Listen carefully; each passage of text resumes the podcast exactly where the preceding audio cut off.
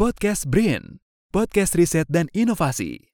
Eksplorasi sains tanpa batas. Halo kawan BRIN, selamat datang dalam podcast Badan Riset dan Inovasi Nasional. Perkenalkan, saya Fikri Angga Reksa. Saya akan memandu uh, episode bertajuk Mencatat Indonesia.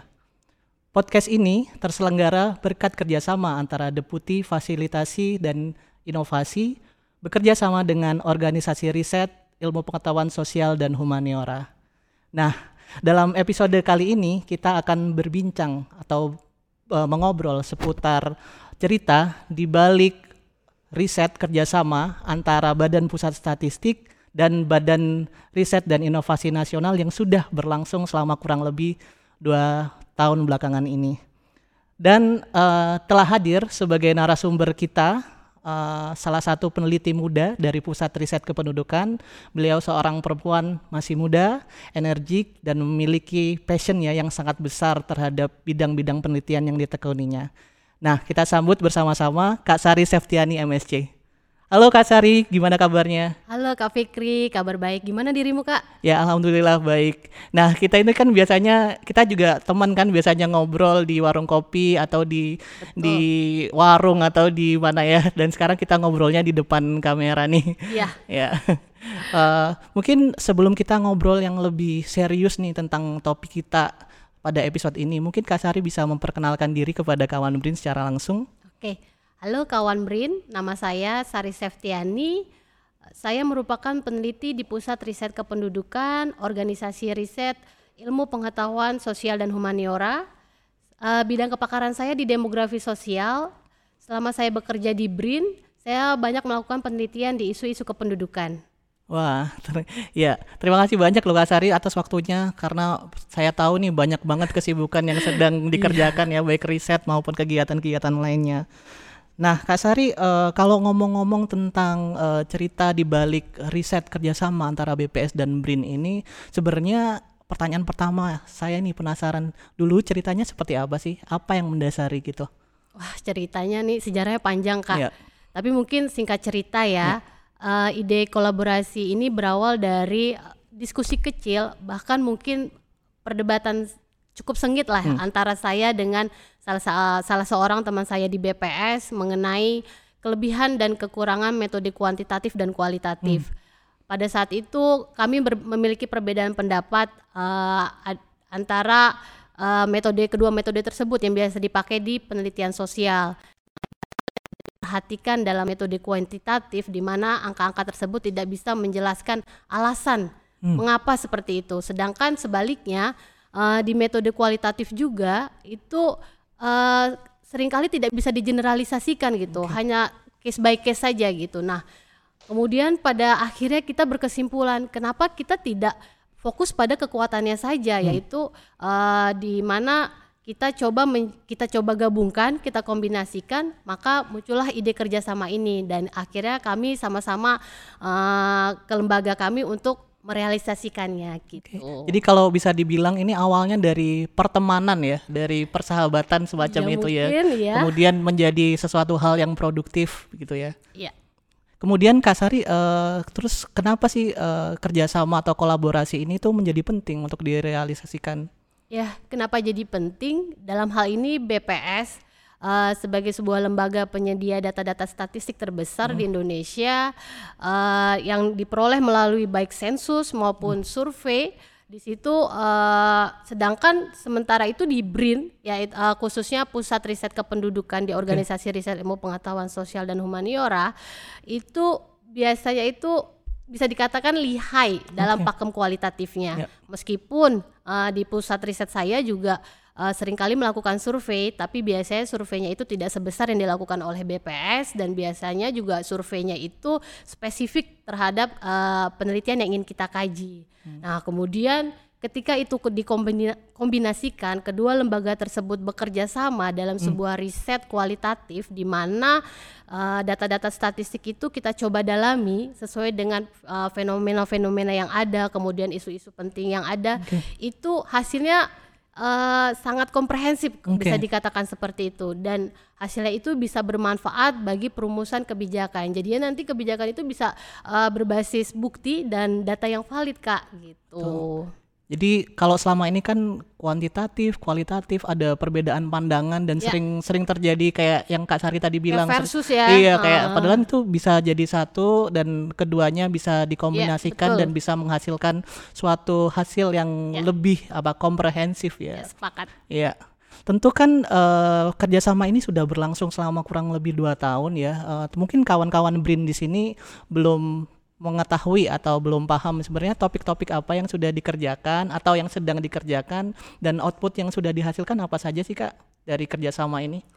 Ya, jadi dalam perjalanan dua tahun riset ini kami uh, selain dari tulisan, tidak hanya tulisan, kami juga menghasilkan video gitu. Oh. Untuk tahun lalu misalnya dalam uh, kegiatan analisis tema khusus sensus penduduk 2020 dengan judul penelitian itu pandemi Covid-19 dari perspektif sosial demografi, kami menghasilkan kertas kerja atau working paper, kami juga menghasilkan ringkasan uh, eksekutif atau hmm. uh, Uh, dan yang terakhir itu kami juga menghasilkan dua video. Video yang pertama itu berisi perjalanan riset, uh, kolaborasi riset antara peneliti BRIN dengan statistisi BPS di 12 provinsi.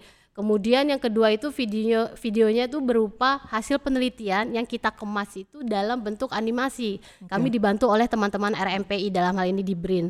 Nah ini kenapa kami bentuk dalam bentuk animasi karena kami ingin tidak hanya hasil riset ini menyasar pada akademisi semata tapi okay. juga uh, bagaimana hasil riset ini bisa dilihat oleh masyarakat umum gitu kak. Nah setelah uh, target dalam capaian output dalam perjanjian kerjasamanya atau okay. PKS itu kita selesai lakukan biasanya sebagai uh, capaian utama peneliti kan kita ingin melakukan uh, publikasi yang lebih ilmiah misalnya. Hmm. Nah, uh, kami juga sedang menyusun buku, dua buku yang uh, rencananya akan diterbitkan internasional dan saat ini dalam proses review. Kemudian kalau kita berbicara di tahun ini kami juga dalam target PKS kami uh, menghasilkan working paper kertas, kertas kerja kemudian okay. ada juga film dokumenter singkat hmm.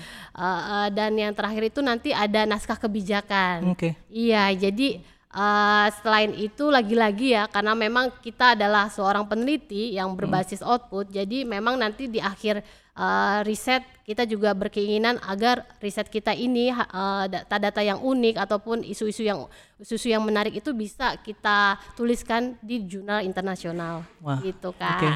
Outputnya berarti sangat luas sekali ya cakupan untuk uh, misalnya stakeholdernya itu yep. ada untuk peneliti juga untuk tapi juga untuk masyarakat itu juga ada. Tapi kalau kita flashback lagi kak, sebenarnya topik-topik apa sih yang sebenarnya sudah dikerjakan dari segi topiknya gitu. Mungkin tahun 2021 itu kita membahas tentang apa, 2022 yeah. ini kita membahas apa gitu. Yeah. Kalau di 2021 itu kan yang tadi saya sebutkan, kita uh, judul penelitiannya mengenai pandemi COVID-19 dari perspektif sosial demografi. Nah, itu menarik Kak, kita melakukan studi kualitatif di tengah pandemi yeah. COVID-19 yang lagi uh, ibaratnya itu kasus lagi tinggi-tingginya lah. Hmm. Nah, di situ peneliti bersama statistisi turun untuk melihat uh, bagaimana sih uh, pandemi Covid dalam perspektif sosial demografi gitu.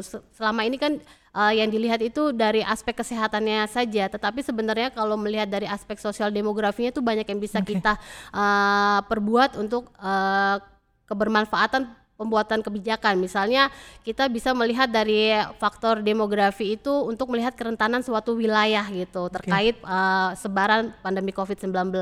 Nah, itu dampaknya pun bisa juga terdampak pada uh, faktor-faktor demografi gitu okay. kak. Nah untuk yang tahun ini kita uh, tema besarnya itu adalah population and green economy. Hmm. Nah itu uh, judul penelitiannya adalah uh, pembangunan ekonomi hijau dan kondisi sosial demografi uh, Indonesia uh, mewujudkan kesejahteraan penduduk dan keberlanjutan lingkungan. Jadi memang kita uh, meneliti mengenai praktik-praktik ekonomi hijau yang sudah ada di level masyarakat kak gitu. Wah Ya, ternyata topiknya pun dari segi topiknya pun juga sangat beragam, tetapi masih dalam payung sosial demografi ya, ya gitu yang, yang sangat penting untuk digarisbawahi gitu. Tentu dalam uh, mengkoordinasi ya uh, penelitian selama dua tahun berturut-turut ini, tentu banyak sekali kan hambatan atau tantangan yang dihadapi dan kalau dari sisi Kak Sari sebagai koordinator nih yang uh, yang sudah berjalan selama dua tahun ini, apa saja sih Kak sebenarnya cerita sedikit tentang tantangan atau hambatannya? Wah, kalau tantangan banyak ya, ya banyak. Kak. Tentu. uh, ya jadi kalau misalnya saya ambil satu tantangan terbesar ya yeah. di dalam uh, selama saya menjadi koordinator dalam dua tahun terakhir ini yaitu adalah bagaimana kita menghadapi culture yang berbeda dari dua okay. lembaga gitu baik dari sisi paradigma berpikir kemudian pola kerjanya dan yang terakhir itu internalisasi isu penelitian maupun hmm studi kualitatif kita gitu. Hmm. Bagaimana metode kualitatif itu bekerja gitu. Nah, misalnya uh, menariknya di riset ini nih Kak, kita itu berkolaborasi tidak hanya kita mengerjakan riset gitu, okay. tetapi kita juga mengajak para statistisi dari BPS untuk ikut dalam riset kita.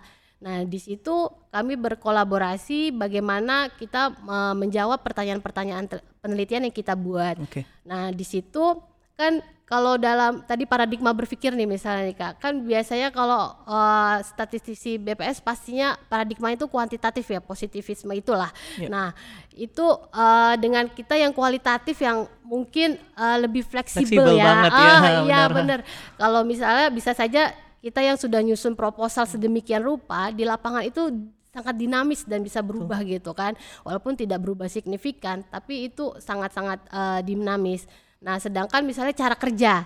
Kalau cara kerja peneliti sosial dan kualitatif kan biasanya hmm. itu uh, apa ya? Lagi-lagi tuh tidak terstruktur, maksudnya tidak terstruktur gitu. Misalnya lebih terstruktur yang teman-teman statisi BPS mungkin ya, yeah. terencana dan sebagainya. Kalau kita itu uh, lebih ke arah uh, apa ya? Itu kita kerjakan itu sefleksibel gitu yeah. uh, dan dan apa ya? Dan itu bisa bisa bisa saja rencananya kita awal seperti itu dan di saat kita pelaksanaan itu berbeda yeah. gitu ataupun misalnya bergeser seperti itu.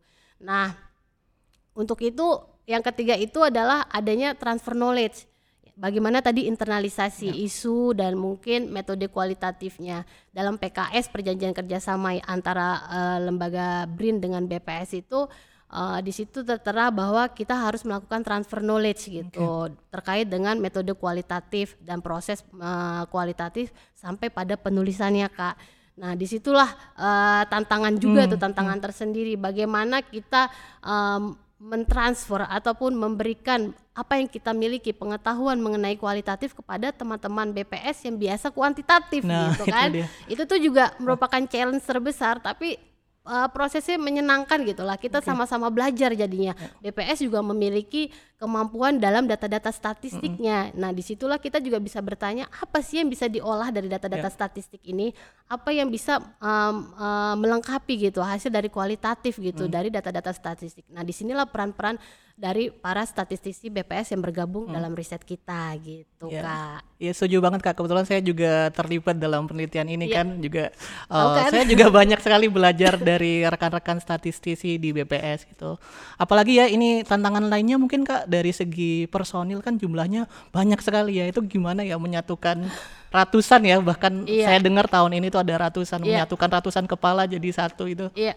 Kalau di tahun kemarin kan hanya 12 iya, provinsi ya. ya. Kalau tahun ini 34 provinsi dan satu provinsi itu berisi eh, dua peneliti BRIN dan satu peneliti uh, dan satu statistisi BPS.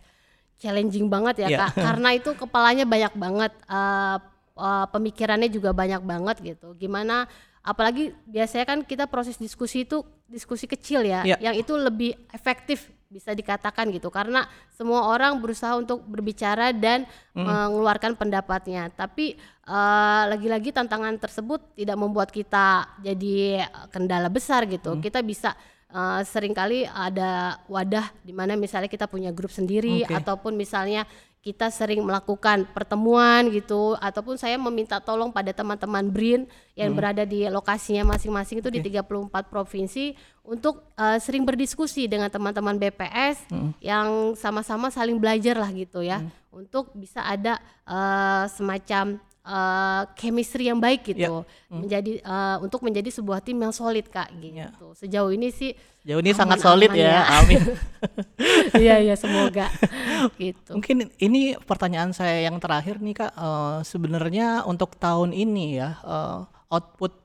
apa yang ingin diha yang ingin dihasilkan itu atau output yang diharapkan gitu untuk mm. penelitian pada tahun ini ya Jadi uh, kalau sesuai PKS output yang dihasilkan itu yang dijanjikan adalah uh, berupa kertas kerja atau working paper, kemudian kita juga ada naskah kebijakan, kemudian uh, yang terakhir kita punya film dokumenter gitu, hmm. film singkat uh, jadinya terkait dengan isu kita juga gitu, hmm. uh, Kak Fikri. Jadi uh, dalam hal ini kan kita juga berharap bahwa karena isunya itu tentang green economy okay. ya dan seperti diketahui uh, saat ini Indonesia menjadi presidensi G20. Wah, nah, ya kami tuh berharap bahwa hasil penelitian kami itu uh, bisa menjadi masukan ataupun hmm. bisa tersampaikan dalam beberapa rangkaian kegiatan G20 kak. Hmm. Nah itu kan akan sangat selain dari uh, apa yang diinginkan oleh peneliti untuk mungkin tulisan dalam bentuk ilmiah dan, dan baik dari jurnal maupun buku, tapi kita juga akan merasa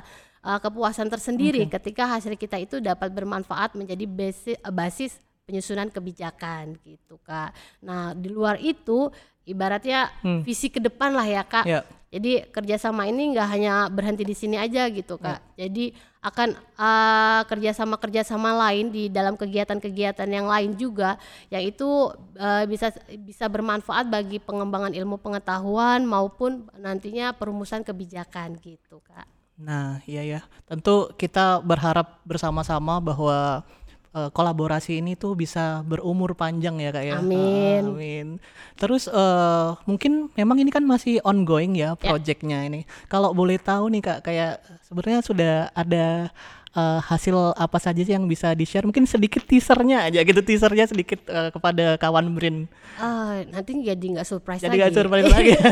Tapi iya uh, iya iya. saat ini memang tim sedang uh, dalam proses penyusunan working papernya ya hmm. kertas kerja tersebut. Kemudian dari tim film juga uh, itu kemarin uh, saya sudah mendapatkan gambaran dari beberapa lokasi menjadi okay. tempat uh, mereka mengambil uh, mengambil gambar, gambar gitu okay. ya dan juga di dalam yang yang krusial ini naskah kebijakannya kak karena memang naskah kebijakan ini kan kita uh, harapkan selesai lebih dulu untuk okay. nanti kita melakukan audiensi dengan para stakeholder terkait gitu hmm. dan perumus kebijakan uh, yang nantinya itu juga bisa kita sampaikan pada rangkaian kegiatan G20 tersebut gitu. Nah hasilnya itu saya bisa katakan menarik banget ya, menarik ya kak banget ya, karena ini. bayangkan uh, kita menemukan uh, praktik-praktik ekonomi hijau di Indonesia di level masyarakat yang hmm. sebenarnya masyarakat itu sudah melakukannya itu sejak lama gitu dan mungkin mereka tidak tahu yang mereka lakukan itu adalah uh, kegiatan ekonomi praktik hijau. ekonomi ya, hijau. Benar. Nah, itu itu tuh uh, kami membayangkan jika itu bisa dimaksimalkan dan itu bisa dioptimalkan hmm. oleh pemerintah kita itu akan memiliki semacam ekonomi hijau itu versi Indonesia gitu. Hmm. Jadinya tidak mungkin tidak hanya yang berbasis teknologi canggih ya, yang hmm. kebanyakan dalam konsep-konsep green economy, tapi juga bisa berasal dari uh, masyarakat yang okay. mungkin tidak berteknologi canggih, tapi juga uh, ini bisa um, ibaratnya masuk dalam atau mensupport apa yang menjadi uh, komitmen pemerintah untuk menurunkan hmm. gas rumah kaca gitu kak jadi itulah pokoknya hasilnya, ya, hasilnya yang bisa sedikit saya masih, sampaikan masih iya. ongoing project yes, juga kan betul, kan ya ini. Uh, tapi menarik uh, sekali hasilnya tapi gitu. Kami ini dan kawan Berin mungkin udah nggak sabar ya untuk uh, membaca atau melihat apalagi tadi ada film dokumenter ya. Iya betul. Itu, uh, itu dibantu oleh teman-teman RMP, RMP juga. juga. Iya. Itu film dokumenternya nanti itu kalau boleh tahu nih spill dikit nih tentang apa ya? Aduh, PR ya kak. PR. Iya iya iya gimana gimana? Uh, tentang tentang apa dan uh, prosesnya seperti apa sampai sekarang? Ya, kalau mungkin proses secara teknis itu lebih pada teman-teman pembuat filmnya ya, tetapi sampai saat ini sudah sampai proses uh, uh, review awal ya hmm. kemarin gitu. Kemudian tema dalam film ini memang tema terkait riset kita gitu, riset kami yang mana itu mengenai uh, population and green economy gitu. Jadi di situ ada uh, lima aktor atau uh, lima aktor dan aktris yang mewakili sektor-sektor uh, yang menjadi kajian kami gitu. Okay. Nah di itu ada lima wilayah uh, di Indonesia. Nanti bisa ditonton pokoknya yeah. kak. Ya, kami tentunya pasti sangat menunggu dan tidak sabar ya nanti filmnya ya. diputar gitu. Ya, betul. Baik, terima kasih banyak Kak Sari uh, atas waktu dan ya sudah menyempatkan ini di tengah-tengah kesibukannya uh. yang sangat padat nih saya tahu banget gitu. Tapi sebelum kita tutup nih mungkin Kak Sari ada semacam kalimat-kalimat uh, penutup untuk kawan Brin uh, sebelum kita tutup episode pada uh, hari ini. Oke. Okay uh, sebagaimana yang disampaikan oleh Bapak Presiden Jokowi uh, yang mengatakan bahwa data merupakan sumber kekayaan baru. Jadi uh, seluruh kegiatan maupun program-program strategis sudah semestinya berbasiskan data dan bukti yang valid. Oleh karena itu, kita semua harus membangun ekosistem yang uh, mendukung perumusan kebijakan berbasiskan data yang valid dan bukti yang kuat. Nah, dari dalam hal ini BPS dan BRIN uh, merupakan lembaga lembaga decision support bagi perumus kebijakan. Saya rasa uh, kerjasama ini tidak hanya berhenti pada saat ini saja atau tahun ini saja, tetapi juga akan ada kolaborasi-kolaborasi kerjasama lainnya nanti hmm. yang jauh lebih besar demi kemajuan bangsa dan negara. Ya, terima kasih banyak Kak Sari atas obrolan kita pada episode kali ini. Baik, uh, demikian akhir dari obrolan kita pada episode kali ini. Terima kasih banyak Kak Sari sudah menyempatkan hadir. Semoga diskusi ini juga dapat bermanfaat untuk kita semua, untuk kawan BRIN dan juga bisa untuk kolaborasi antara BRIN dan BPS ini bisa terus langgeng dan terus apa ya bisa bermanfaat untuk Indonesia di masa yang akan datang. Sampai jumpa di podcast BRIN selanjutnya. Salam eksplorasi sains tanpa batas. Podcast BRIN Podcast Riset dan Inovasi. Eksplorasi sains tanpa batas.